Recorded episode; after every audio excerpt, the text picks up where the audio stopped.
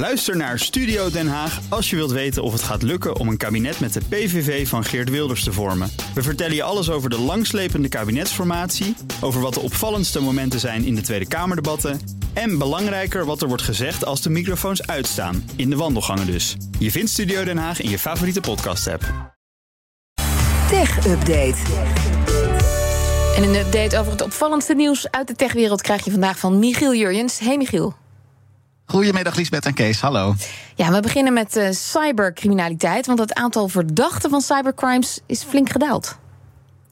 Ja, en dan zou je denken, nou, dat is goed nieuws. Maar ik ben bang dat precies het tegenovergestelde het geval is. Sorry alvast uh, daarvoor. Ja. Deze daling wordt uh, gemeld door het Openbaar Ministerie. Dat kwam vandaag met het jaarverslag over 2022. Met daarin uiteraard ook veel aandacht voor cybercriminaliteit.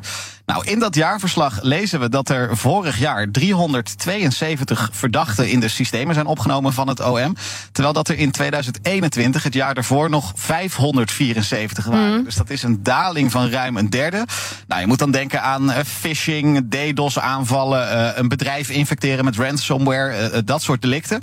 Um, volgens het OM is het aantal politieregistraties van dat soort criminaliteit de laatste jaren gestabiliseerd. Um, maar ja, als het aantal geregistreerde verdachten ondertussen daalt, dan is mijn voorzichtige Ah, conclusie dat ja. vooral de pakkans Ja. is afgenomen.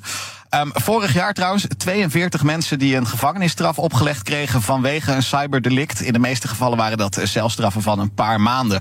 En in een paar gevallen ook echt van een paar jaar. Het OM benadrukt in het jaarverslag eh, verder ook dat ja, het strafrecht alleen uh, niet genoeg gaat doen om cybercriminaliteit aan te pakken. Ze zeggen ja, daar hebben we met z'n allen zelf een aandeel in. Um, ja, de bekende zaken. Hè. Niet op gekke links klikken. Mm. Niet overal 1, 2, 3 welkom als wachtwoord gebruiken.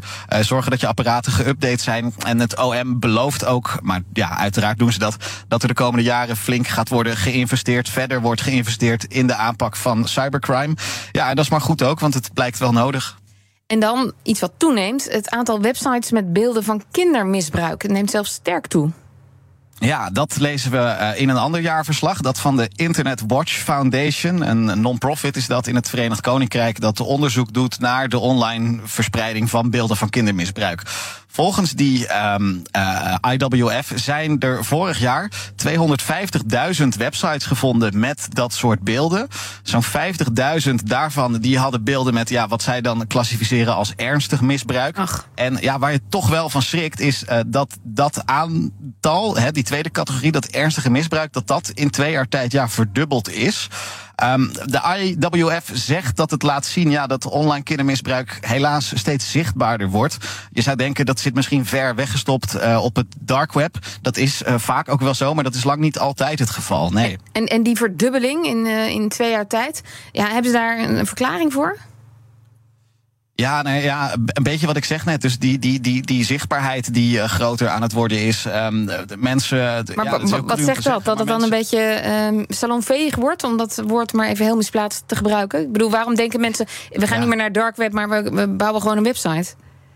Nou ja, kijk, ik, en dit is ook heel cru om te zeggen, maar ik denk dat uh, mensen daar, uh, de, naarmate de techniek uh, verder en mm -hmm. evolueert, beter wordt, dat, dat mensen er ook gewoon handiger in worden. Dat mensen het makkelijker te vinden krijgen. Ja. Wat natuurlijk heel vervelend is. En, en valt er iets tegen te doen?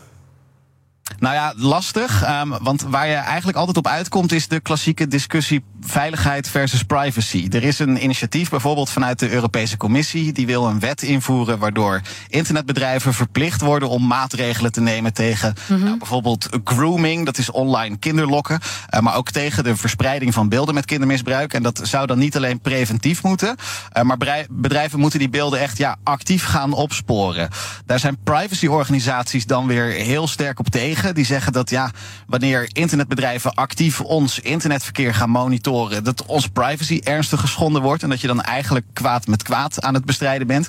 Dus ja, er is een sterke voor, maar ook een sterke tegenlobby voor dit wetvoorstel. Um, het Europees Parlement gaat er later dit jaar over stemmen. Um, ja, men is daarmee bezig in Brussel, dat wel.